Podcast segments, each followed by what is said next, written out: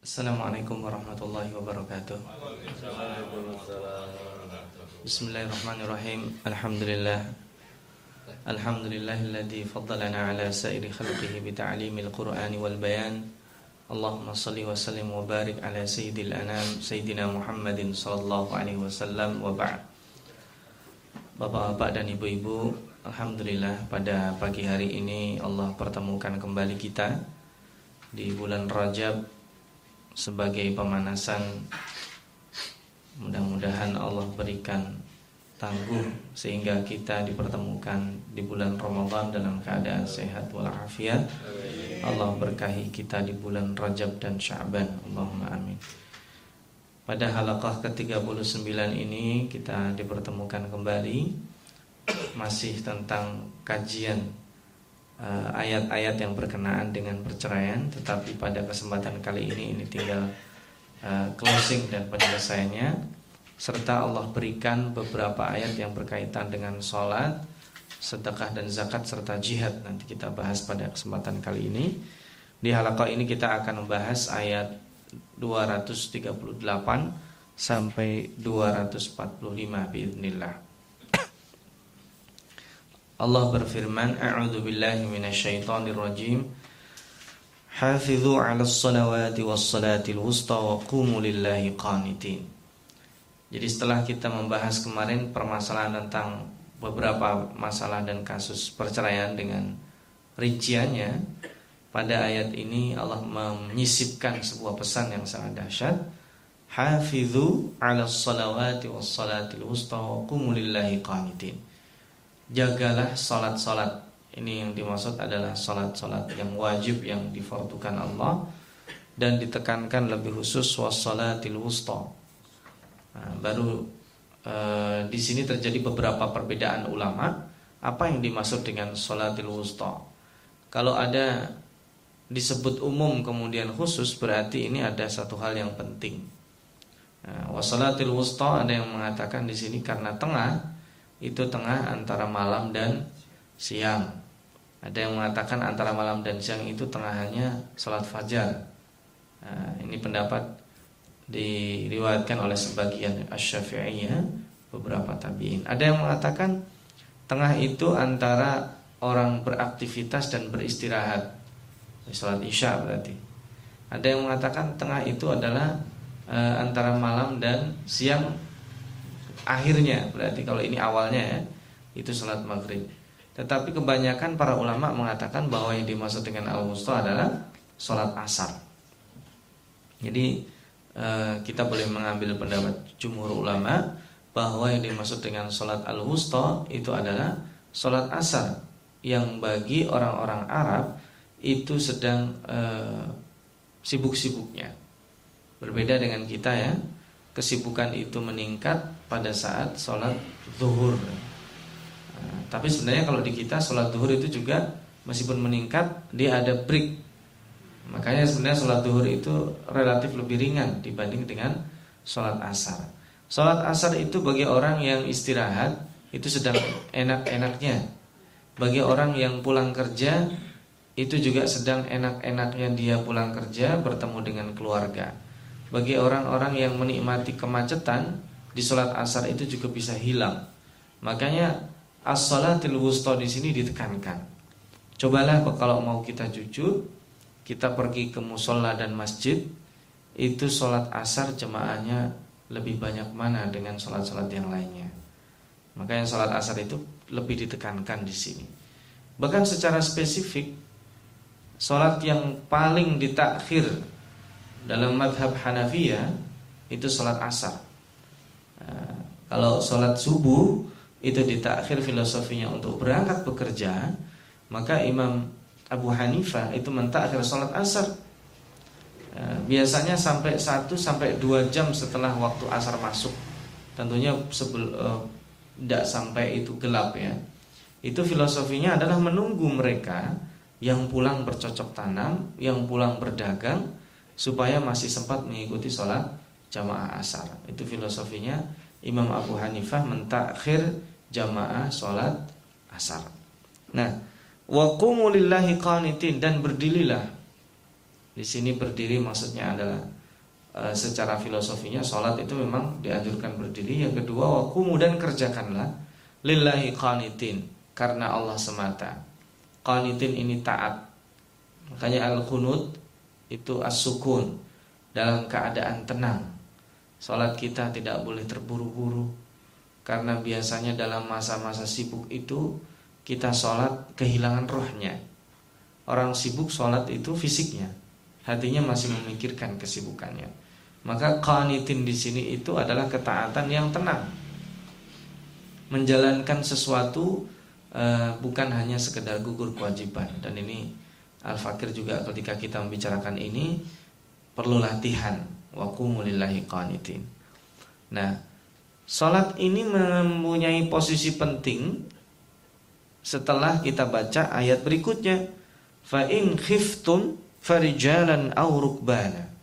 Kalau kalian takut dalam keadaan takut ini eh, dalam tafsirannya ini dalam keadaan genting, perang, dalam keadaan chaos, sholat tidak boleh ditinggalkan. Farijalan dalam keadaan berjalan kaki, aurukbana atau di atas kendaraan. Jadi di dalam keadaan tidak tenang pun kita harus sholat. Meskipun sholat itu tidak menghadap kiblat. Ya, kalau di atas kendaraan gimana menghadap kiblat? Eh, jurusan kita kan tidak ke sana, ya kan? Jadi yang penting tetap sholat. Farijalan dalam keadaan berjalan. Karena dalam kondisi perang tidak bisa diam, apalagi dia megang senjata. Memang benar ada aturan sholat khauf yang ada di dalam sholat An-Nisa tetapi itu dalam posisi perang masih memungkinkan seperti itu. Tapi ketika sudah farijalan itu artinya sudah nafsi-nafsi. Seseorang misalkan naudzubillah min dzalik kampung kita ini dikepung dan diserbu oleh orang. Iya kan? Ketika diserbu itu memang ada koordinasi antara satu dan lainnya. Tetapi memang sudah benar-benar sedang chaos banget. Itu sholat tetap wajib, tidak bisa ditinggalkan. Nah ini yang menjadi salah satu luar biasa karena kita di bulan ini juga uh, memperingati uh, Isra dan Mi'raj oleh-oleh yang terpentingnya itu adalah sholat. Dan ternyata sholat itu satu-satunya kewajiban yang tidak bisa ditinggal. Nggak bisa berdiri. Wa qumulillahi qanitin secara arti fikihnya berdiri disuruh kita duduk. Nggak bisa duduk disuruh kita berbaring.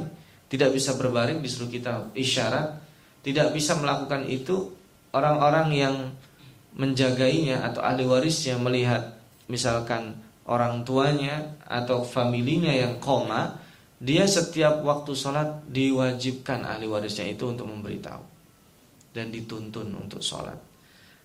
Nah dalam keadaan mukim sholat wajib, dalam keadaan safar sholat tetap wajib meskipun ada rukhsah di sana yang disebut dengan uh, qasar menurut uh, disepakati oleh para ulama. Kalau jamak itu sebagian Malikiyah tidak uh, tidak memperbolehkannya. Tetapi sejumhur ulama mengatakan ada rukhsah dalam safar. Kemudian dalam keadaan tenang disuruh kita wajib sholat. Dalam keadaan khauf cemas juga sholat. Makanya kalau dengan alasan kita macet kemudian meninggalkan sholat juga satu hal yang uh, perlu kita pikirkan kembali. Nah ini perintah sholat ini penting dan ini dibahas di tengah-tengah masalah talak. Ya nanti setelah ini kembali lagi masalah talak. Faiza amintum kalau sudah tenang, artinya dalam kondisi normal, fadkurullah maka ingatlah Allah, berzikirlah kepada Allah dan sholatlah. Jadi zikir di sini artinya adalah umum dan ada arti khususnya itu sholat. Dan juga habis sholat kita bisa mengikutinya dengan zikir yang lainnya.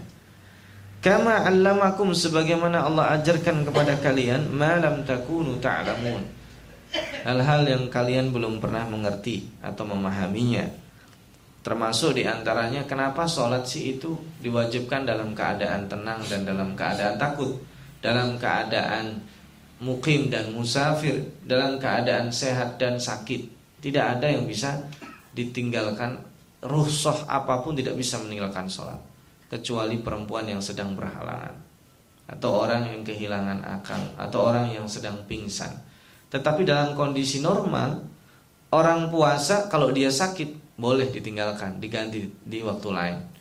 Ya kan? Tetapi dalam kondisi seseorang ini apa pun juga yang namanya waktu sholat itu tetap harus dia lewati dengan mengerjakan kewajiban itu.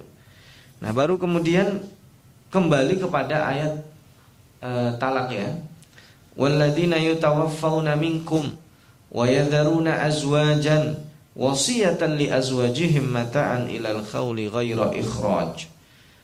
Jadi menurut jumhur ulama ayat ini mansuh ya, sudah tidak dipakai. Jadi kalau ada orang-orang itu merasa yutawafauna itu ini bermaksud meskipun bentuknya adalah continuous tapi maksudnya di sini adalah futur futuristik ya ke depan. Orang-orang yang merasa sudah sekaratul maut sudah mau mati maka sebaiknya dia meninggalkan wasiat untuk istrinya. Apa wasiatnya itu? Mata'an ilal khawli ghaira ikhraj. Jadi untuk istrinya maksudnya ahli warisnya di, di, dibilang nanti kalau saya meninggal istri saya tetap di sini selama setahun. Jangan kalian suruh pergi. Dengan meninggalkannya saya bukan berarti istri saya tiba-tiba menjadi orang lain. Nah ini mulanya demikian. Jadi kalau sudah satu tahun fa'in kharajna dia milih tinggal di tempat lain bukan di tempat suaminya Fala junaha alaikum fima fa'alna fi anfusihinna min ma'ruf. Tidak bisa dihalang-halangi, diperbolehkan. Wallahu azizun hakim. Tetapi ayat ini dinasah dengan yang kita baca pekan-pekan sebelumnya ya, bahwa orang kalau ditinggal mati iddahnya bukan setahun. Tidak boleh keluar bukan berarti beli sayuran nggak boleh, tidak boleh keluar di sini adalah pindah rumah. Dulu adatnya eh, menurut ayat ini yang pertama, kalau ada seorang laki-laki meninggal, sang istri itu diperbolehkan dan ahli waris tidak boleh mengganggu gugat, udah dia harus tinggal di situ selama satu tahun. Jadi enggak, tidak boleh. Misalkan baru beberapa bulan kemudian disuruh pergi dan memang secara etika juga tidak demikian dengan meninggalnya pasangan hidup kita bukan berarti ikatan kekeluargaan kita putus tiba-tiba. Nah, tetapi ayat ini kemudian dinasah dengan dua ayat. Yang pertama yang berkenaan dengan tempat tinggal atau iddah itu sudah kita bahas. Orang meninggal iddahnya adalah arba'ata asyurin wa asyro, empat bulan sepuluh hari. Itu iddahnya. Nah, dan rumahnya itu lain lagi cerita. Kalau memang itu rumah adalah haknya istri, kita lihat di dalam surat An-Nisa dijelaskan kalau seandainya sang suami yang meninggal itu punya anak, maka sang istri mendapatkan warisan seperdelapan. Kalau sang suami itu nggak punya anak, maka sang istri mendapatkan seperempat. Itu dia lebih lebih banyak ya. Nah, kalau ada anak mah dibagi-bagi lagi. Nah, berkenaan dengan harta bergerak dengan harta tidak bergerak, berkenaan dengan hak sosial dengan dengan harta ini sudah dirinci di dalam surat An-Nisa dan dalam surat Al-Baqarah sebelum ini. Jadi ayat ini adalah mansuh. Tapi yang menarik ketika Utsman bin Affan ditanya para sahabat, "Kenapa Anda tetap mempertahankan ayat ini?" Sedangkan ayat ini sudah tidak dipakai lagi. Utsman bin Affan mengatakan hada tauqifi. Ini tidak ada hubungannya dengan ijtihad. Yang memerintah tetap menulis itu adalah baginda Rasulullah sallallahu alaihi wasallam. Jadi ini supaya kita tahu periodisasi final dari hukum yang nanti terjadi di tengah masyarakat. Kayak haramnya khamr itu kan kita jadi tahu karena disebut semua Yas'alunaka 'anil khamri wal maisir kemarin sudah kita bahas qul fihima ithmun kabir wa manafi'ul linnas. Jadi di sana ada manfaat dan ada madaratnya. Baru ayat kedua turun jangan dekat-dekati salat kalau kamu sedang mabuk. Jadi la taqrabus salat eh, wa antum sukaro. Jangan salat kalau sedang mabuk. Jadi minimalnya dalam lima, lima kali waktu orang meninggalkan meminum khamr. Nanti ketika sudah terbiasa ada finalisasinya. fajtanibuhu tinggalkan itu karena itu merupakan perbuatan yang tidak disukai Allah atau diharamkan nah ini juga demikian pada awal-awal ini ya tempo hari kita sudah membicarakan ya orang perempuan itu kalau bapaknya meninggal atau suaminya meninggal itu kalau dia adalah istri kedua dia menjadi properti mohon maaf langsung otomatis dia itu diserahkan kepada anak laki-laki tertua dari istri pertama. Boleh dinikahi, yang jelas dia menjadi properti. Sangat terhina. Kemudian setelah itu ada banyak hal ya yang terjadi di hukum-hukum adat itu. Kemudian untuk langsung menjadi drastis seperti itu perlu waktu. Nah, di antaranya ini yang bentuk penghormatannya di sini. Kalau seseorang itu meninggal, maka hak dia di dalam rumah itu itu minimalnya bertahan satu tahun.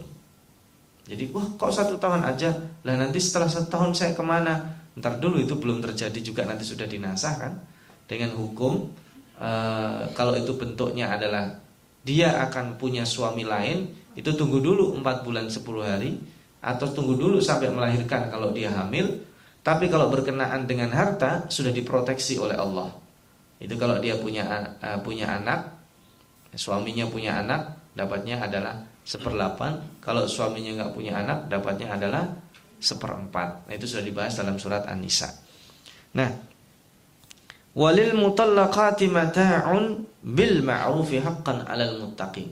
Bagi orang-orang perempuan yang ditalak itu, baik ditalak dalam keadaan suaminya hidup Tentunya yang ditalak ya. Kalau ditalak dalam keadaan mati nggak ada urusannya. Eh, kita tidak perlu membahas ya. Misalkan ada istri meninggal, kemudian suaminya, aku talak engkau, ya nggak usah ditalak, memang sudah berpisah kan? Itu nggak usah dibahas. Yang dibahas adalah yang mentalak maksudnya. Kalau suami dan istri yang mentalak itu hidup, yang mentalak itu karena mati, maka itu kesemuanya dia mendapatkan mata di sini. Walil mutallaqati mata. Dan mata itu di antaranya asukna, tempat tinggal. Mata itu di antaranya nafkah. Nafkah ya, kalau bagi kita uang belanja. Bahkan bagi mereka yang belum pernah berhubungan suami istri, itu mendapatkan mata. Itu maharnya nggak boleh diambil lagi. Ya, jadi kalau tempo hari sudah pernah kita eh, sama-sama uh, bahas ya, kalau suami dan istri ada akad, kemudian belum terjadi apa-apa, suaminya meninggal, itu tetap untuk menghormati proses itu harus menunggu 4 bulan 10 hari. Sekarang kalau seandainya habis akad ternyata salah satu pihak merasa ditipu, kemudian saya batalkan akad ini, atau ditalak itu istrinya. Kan belum terjadi hubungan badan. Itu tetap tidak bisa ditarik itu maharnya. Kalau sudah dibayar ada komitmen dia harus setengahnya. Kecuali pihak istri mengatakan udahlah ikhlaskan saja. Tetapi intinya mutalakat itu orang-orang yang dicerai itu dia harus mendapatkan mata kenapa haqqan 'alal muttaqin nah ingat dalam masalah perceraian pun Allah menengahi dengan sholat tadi itu. Hafidhu ala sholawat. Kenapa? Sholat itu salah satu ciri utama orang-orang yang bertakwa. Jadi intinya begini, orang-orang yang bertakwa itu ketika mencintai istrinya akramaha. Imam Hasan Al Basri gitu ya. Jadi kalau beruntunglah orang yang mempunyai pasangan hidup orang bertakwa. Kalau dia bertakwa akramaha, dia akan memuliakannya. Kalau dia uh, tidak mencintainya, maka dia tidak akan menyakitinya. Kalau dia menceraikannya, menceraikannya bil ma'ruf. Dia tidak pernah menggantung, tidak pernah menyakiti fisiknya, tidak pernah menyakiti hatinya, tidak pernah menelantarkannya. Nah, kalau mencintainya berarti akromah tadi yang dikatakan Imam Hasan Al Basri. Maka hakon 'alal muttaqin ini adalah hak bagi orang-orang yang bertakwa, hak yang harus ditunaikan. Ini orang kalau tahu menjaga benar-benar ini. Padahal ini dalam kondisi konflik ya, dalam kondisi yang tidak normal. Dalam kondisi harmonis gak usah ditanya, istrinya minta apa gak usah minta, baru bertanya aja. Itu jam kok bagus sekali, itu suaminya langsung beliin. Ini dalam kondisi konflik, hakkan alal muttaqin itu juga hal-hal seperti itu sudah sudah sangat lumrah untuk di, dijaga. Kadzalika yubayyinullahu lakum ayatihi la'allakum ta'qilun. Yang demikian ini adalah Allah jelaskan. Ini yang menarik, kadzalika yubayyinullahu lakum ayatihi. Allah tidak mengatakan kadzalika ayatullah. Jadi Allah lebih menekankan proses penjelasannya. Karena yang dihadapi di sini adalah berhubungan dengan hak-hak Adam dalam kondisi konflik. Jadi biasanya kalau dalam masalah perceraian orang itu fokusnya di, di akhirnya itu. Akhirnya gimana nih? Jadi cerai atau tidak? Akhirnya gimana nih? Jadi islah atau tidak? Tetapi melupakan proses itu. Bahwa proses dalam masalah perceraian itu ada mediasi, ya kan? proses dalam masalah perceraian itu ada iddah. Ketika masa iddah itu yang lebih berhak adalah suaminya yang mantan suaminya yang baru saja menceraikan tetapi masih bisa peluang untuk kembali rujuk.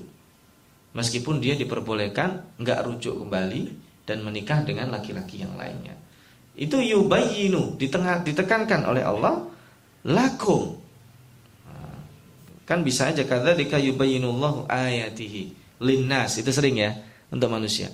Lakum ini menekankan bahwa Allah Subhanahu wa taala ayat-ayat ini kalau kita tafsiri dengan tadaburi dengan ayat-ayat yang senada dalam masalah pernikahan dalam surat Ar-Rum yang sering kita tadaburi kalau orang sedang menikah itu ya bahwa di antara tanda-tanda kekuasaan Allah min ayatihi an khalaqalakum min anfusikum azwaja Nanti diakhiri inna fi dzalika ayatin. Jadi tanda-tanda kekuasaan Allah ini bukan masalah terjadinya pada saat perceraian. Pada saat kalian menikah itu juga tanda-tanda kekuasaan Allah. Jadi ayat di sini maknanya bukan ayat-ayat hukum saja, tapi tanda-tanda kekuasaan Allah. Bahwa Allah itulah yang menautkan dua hati yang serba berbeda tadinya. Ya kan suami istri itu kan sudah pasti berbeda. Yang satu laki-laki, yang satu perempuan yang satu hidup di tempat ini, yang lain hidup di tempat lain. Karena kalau hidup serumah tidak mungkin mereka menjadi suami istri. Kalau dia saudara tiri tidak boleh menikah, saudara sesusuan tidak boleh menikah. Saudara yang boleh menikah yang paling terdekat adalah ketika uh, sepupu. Itu pun paling dekat dan memang sebenarnya dianjurkan untuk makin jauh. Eh, nah, sampai di sini ayat-ayat yang berkenaan dengan uh, masalah perceraian selesai, kita berpindah kepada ayat-ayat yang lainnya. Alam tara ilal ladina kharaju min diyarihim wa hum ulufun al maut faqala lahumullahu mutu thumma ahyahum innallaha ladzu fadlin 'alan walakinna aktsaran nasi. Ini berkata, berkenaan kalau kita merujuk dalam tafsir Ibnu Katsir, Imam At-Tabari dan beberapa buku-buku tafsir bil Ma'thur menyebutkan ayat ini menceritakan tentang sebuah kaum di Bani Israel. Uh, Al-Fakir tidak menyebutkan nama desanya ya, tapi berpenduduk, berpenduduk ulufun. Nah, di situ ada beberapa terjadi perbedaan pendapat. Al-Fakir tertarik dengan kajian bahasa bahwa uluf ala wazni fu'ul itu uh, jumlahnya secara nominal itu di atas alaf. Kalau alaf itu biasanya dipakai antara 3 sampai 10. Jadi kalau bisalah sati alafin, khamsati alafin, asyratu alafin itu 10. Tapi kalau dibilang uluf, ah itu sudah pasti uh, bukan pasti ya menurut kajian bahasa ini itu di atas 10 ribu. Jadi jumlah uluf itu artinya puluhan ribu. Kita tidak menyebut 11 ribu tapi puluhan ribu. Jadi kalau ada orang mengatakan puluhan ribu dalam bahasa Arab uluf itu, itu artinya di atas 10 ribu. Ini kalau 10 ribu masih bisa dihitung lah. Coba beda nggak orang ngomongan Berapa sih yang datang pada demo kemarin? Ribuan. Ribuan itu di benak kita berapa? Ya pasti di bawah 10 ribu. Tapi kalau disebut puluhan ribu, nah itu sudah pasti di atas 10 ribu. Nah kira-kira kajian itulah eh, yang menjadikan sebagian para ulama menandaburi, menafsirkan ayat ini itu jumlahnya di atas 10 ribu. Ada yang mengatakan 12, ada yang mengatakan 15, ada yang mengatakan 30 ribu. Tapi kalau disebut penduduk satu desa di zaman itu 30 ribu, saya kira juga uh, agak sulit ya. Kecuali Kalibata. Kalau Kalibata saya tidak tahu itu penduduknya berapa. Uh, kalau ini yang dimaksud di dalam ayat ini adalah penduduk Kalibata, itu masuk 30 ribu. Tapi Ibnu Abbas dan murid-muridnya menafsirkan jumlah mereka berkisar antara 3 sampai 5 ribu. Nah, kita nggak penting lah, uluf yang penting banyak. Nah, apa yang terjadi? Migrasi meninggalkan desa. Jadi penduduk satu kampung itu karena ada terjangkit wabah, saya katakan sekali lagi wabah ya, bukan virus. Kalau virus itu bisa direkayasa oleh manusia. Ya, berapa banyak, mohon maaf, kita kalau ada sekarang sedang terjadi virus MERS itu ya, kita harus curiga juga bahwa dari virus MERS itu nanti harus ada vaksinasi. Berapa miliar itu jadi hasil itu. Itu kan e, bisnis peperangan biologi yang akan mengakibatkan bisnis orang tertentu punya kepentingan di sana. Kalau kita menggunakan e, tafsir konspirasi ya, ini otak-otak orang yang membaca e, tafsir konspirasi akan seperti ini. Ini ini disebut dengan wabah, bukan bukan virus. Taun. Ya, Orang-orang ini takut mati. Kemudian mereka hijrah. Uluf. Karena saking takutnya ini mereka lari cepat-cepat. Tetapi kata Allah, mutu. Nah, Fakalalahumullah mutu. Di tengah jalan mereka mati semua. Nah ini dalam hadis ada yang menjelaskan satu riwayat dan mereka beristirahat di sebuah lembah itu didatangi malaikat dari sisi atas, didatangi malaikat dari sisi bawah malaikat itu cuma berteriak doang. Mungkin kalau bahasa kita yang di atas manggil malaikat yang di bawah, yang di bawah manggil yang di atas. Ya, eh, ngapain kamu ke sini gitu doang teriak, mati itu orang semuanya. Karena teriakan malaikat itu bisa mematikan. Ini kayak kasusnya Nabi uh, Nabi Soleh itu kan dihancurkan dengan teriakan. Maka soihatan wahidah, soihatan wahidah itu menyebabkan kematian. Karena teriakan malaikat sangat keras ya. Tapi kemudian suatu ketika karena sudah hancur tulang-tulang ini, tempat ini dilewati oleh satu nabi dari Bani Israel. Nah, ini yang berbeda pendapat, ada yang mengatakan itu adalah Hizkil, ada yang mengatakan itu adalah Nabi Samuel, ada yang mengatakan itu adalah Nabi Zulkifli, ada yang mengatakan itu adalah uh, Syamu'on dan sebagainya. Tapi nggak penting juga. Tapi yang jelas ini uh, sudah terjadi uh, sekian lama. Karena yang tertinggal itu adalah tulangnya. Lalu sang nabi tersebut berdoa karena dia melihat tulang, kok di sini ada kuburan massal. Kok di sini ada tulang-tulang manusia sangat banyak. Dia berdoa kepada Allah, ya Allah hidupkan mereka. Nah, dan yang terjadi adalah thumma ahyahum. Allah menghidupkan mereka. Innallaha ladu fadlin 'alan nas walakinna aktsaran nasi la yashkurun. Jadi proses orang meninggal dan hidup lagi itu terulang kali ceritanya di dalam Al-Qur'an dan karena tidak disebut secara spesifik maka akan ada kemungkinan bisa terulang lagi. Nah, jadi nanti kalau ada orang tiba-tiba bangkit dari kuburnya, jangan dikira itu adalah horor, karena itu bisa jadi Allah swt menghendaki seperti itu. Pada puncaknya orang-orang itu tidak percaya Allah akan bangkitkan.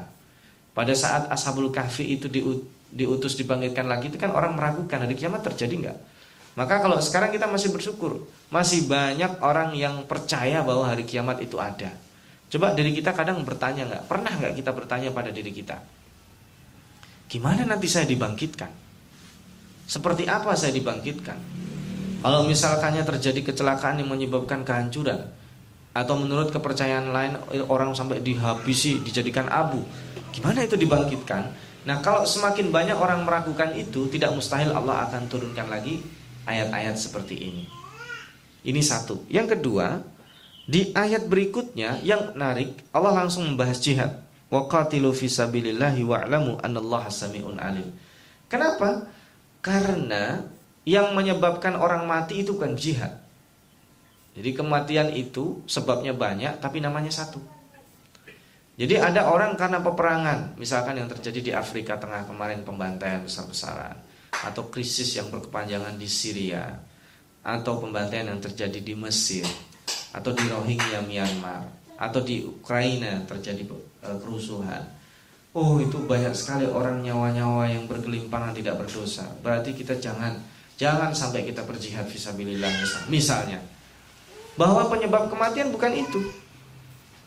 Itu salah satu sebab orang kecelakaan misalnya, kecelakaan kereta api misalnya. Misalnya. Lalu setelah itu, oh kita pulang jangan naik kereta api. Ya kan? Sering kayak gitu ya. Bahwa yang menyebabkan kecelakaan itu bukan masalah kereta apinya, kecuali memang itu kita lihat disinyalir oh itu karena keteledoran e, kereta api tersebut. Nah, sebab-sebab itu bisa dihindari. Tapi kalau karena kita itu takut mati, bukan karena kehati-hatian, maka itu salah kita. Makanya di sini seseorang ketika qatilu, bahasanya qatilu ya, bukan jahidu. Qatilu itu jelas dia kontak fisik. Qatilu itu berperang yang mengakibatkan e, membunuh atau dibunuh. Meskipun bisa berakhir dengan perdamaian, tapi kalau saat perang itu dia bukan latihan, perang betulan. Kalau ketusuk mati. Kalau ketembak mati tetapi bisa berakhir dengan perdamaian. Karena yang menyebabkan kematian bukan itu. Yang menyebabkan kematian adalah ajal. Jadi ketika idza jaa ajaluhum la yastakhiruna sa'atan wa la yastaqdimun. Ajal itu kalau sudah datang tidak bisa dibilang ditunda sedetik pun karena memang sudah ketentuannya seperti itu. Ada yang meninggalnya dalam perang, ada yang meninggalnya di, di atas kasur, ada yang meninggalnya karena tidur keterusan. Ya, ada beberapa banyak kita melihat orang sehat. Bahkan ada orang yang meninggal tanpa sebab. Sedang sholat, sedang berjalan, sedang khutbah, sedang apa saja dia tiba-tiba meninggal. Itu karena ajalnya habis. Datang ajalnya bukan karena sebab seseorang itu berperang atau sebaliknya. Maka di sini ayat ini juga sekaligus um, supaya kita tidak terlalu mencintai jiwa kita setelah harta kita ketika di dalam urusannya adalah berjihad visabilillah. Nah, qatilu di sini berkenaan dengan nafas, dengan jiwa. Ayat terakhir yang kita tadaburi menarik ya. Man dzalladzi yuqridullaha qardan hasana fayudha'ifahu lahu ad'afan katsira wallahu yaqbidu wa yabsut wa ilaihi turja'un. Barang siapa yang memberikan pinjaman yang baik kepada Allah. Ini berkaitan dengan harta ya. Kalau tadi berkaitan dengan jiwa. Jadi begini. Di dalam Al-Quran itu berkenaan dengan hak malia yang pertama diwajibkan itu zakat. Aqimus shalah wa atuz zakat. Bayar zakat. Bagaimana solusi dari kita mengetahui zakat itu diwajibkan apa dan sebagainya? Lihat hadisnya. Capai nisab, ada haul, harta yang halal, ini perniagaan, ini pertanian, ini tambang, ini emas dan sebagainya. Itu Semuanya ada di hadis. Lalu kalau saya sudah zakat tapi saya masih pengen berbuat baik, gimana itu? Loh nggak apa-apa.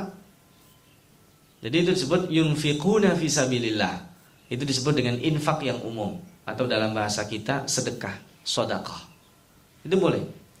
Nah, yang menarik Allah tidak mencukupkan seperti itu.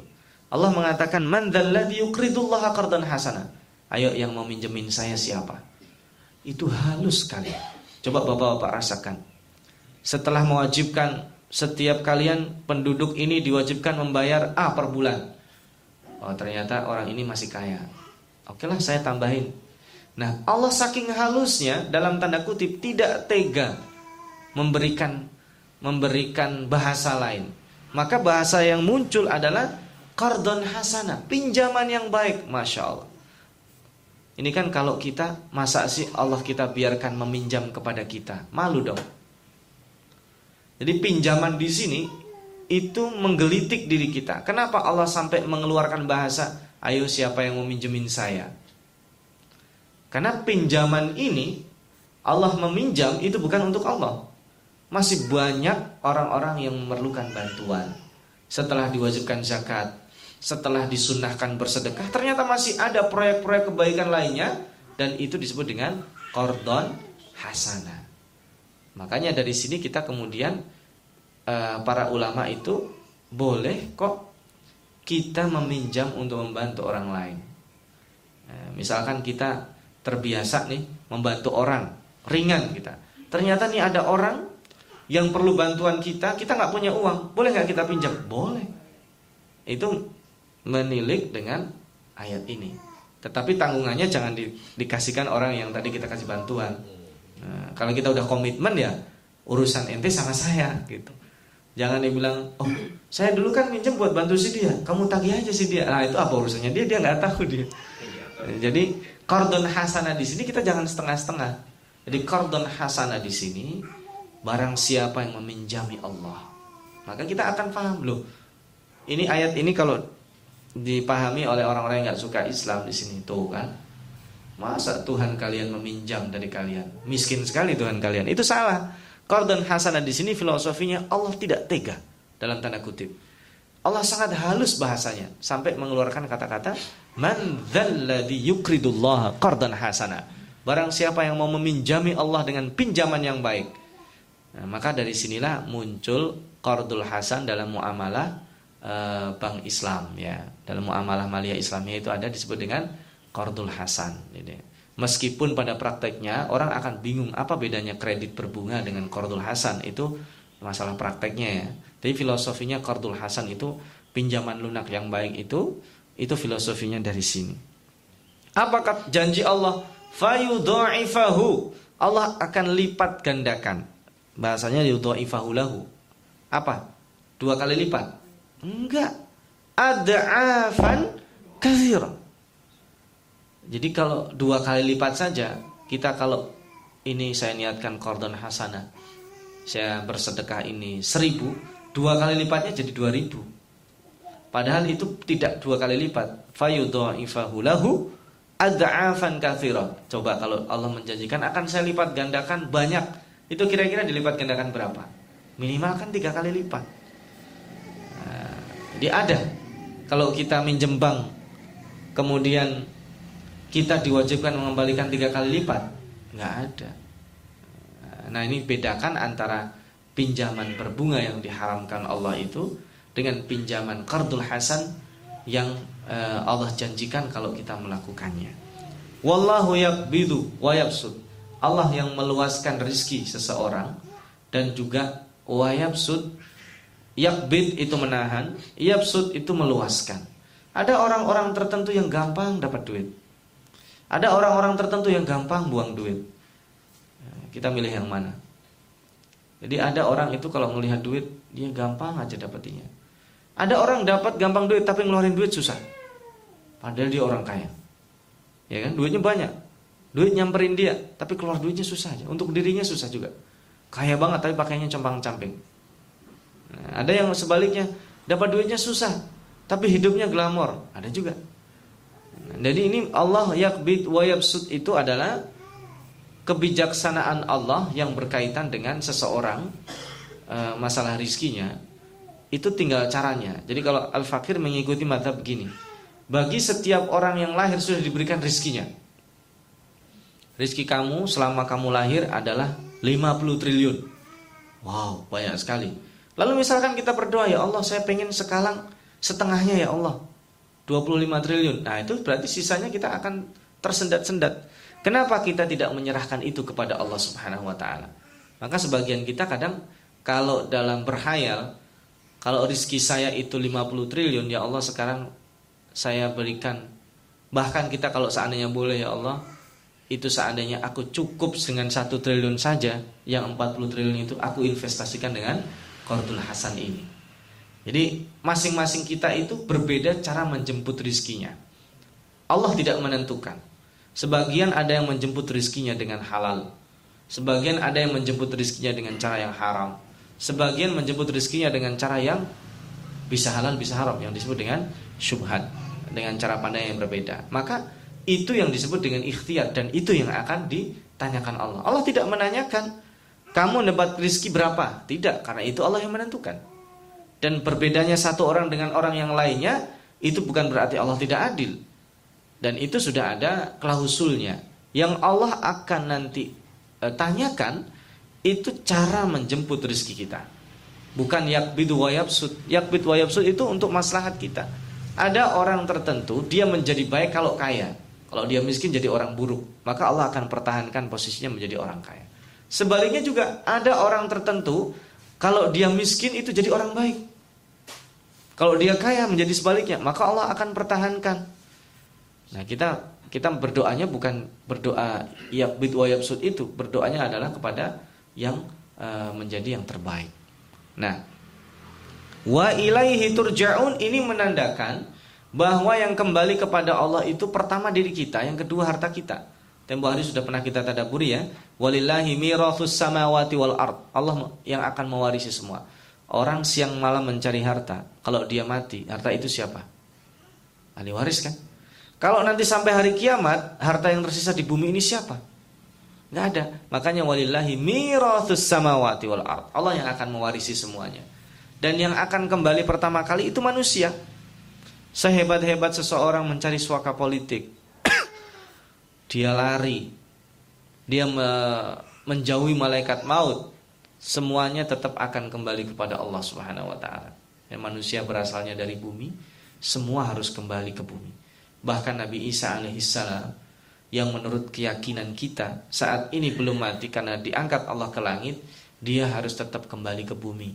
Makanya hukum Allah berlaku, Nabi Isa harus turun dan dia matinya di bumi, dikebumikan di bumi lagi, kembali menjadi tanah.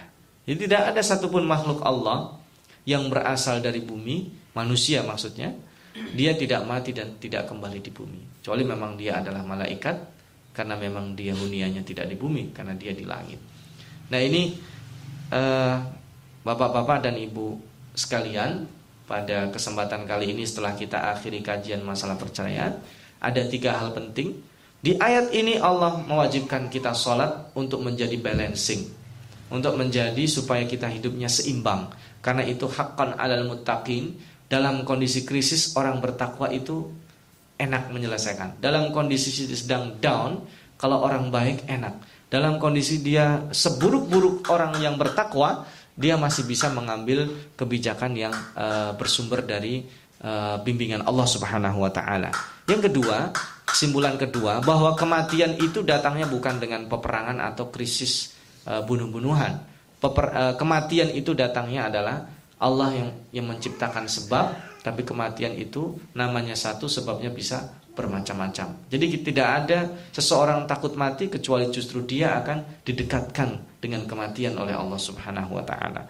Yang terakhir bahwa yang berkaitan dengan harta, harta Allah yang Allah berikan kepada kita itu adalah untuk maslahat kita semua. Zakat yang diwajibkan, sedekah yang disunnahkan dan qardhan hasanah di sini sindiran Allah yang halus sekali itu semata-mata supaya kita terpanggil untuk lebih banyak memberi daripada meminta. Ini yang bisa Al-Fakir sampaikan. Mudah-mudahan bermanfaat. Insya Allah kita akan lanjutkan pada halaqah yang ke-40. Aku qauli hada jazakumullahu khairan. Mohon maaf jika ada yang kurang berkenan. Wassalamualaikum warahmatullahi wabarakatuh.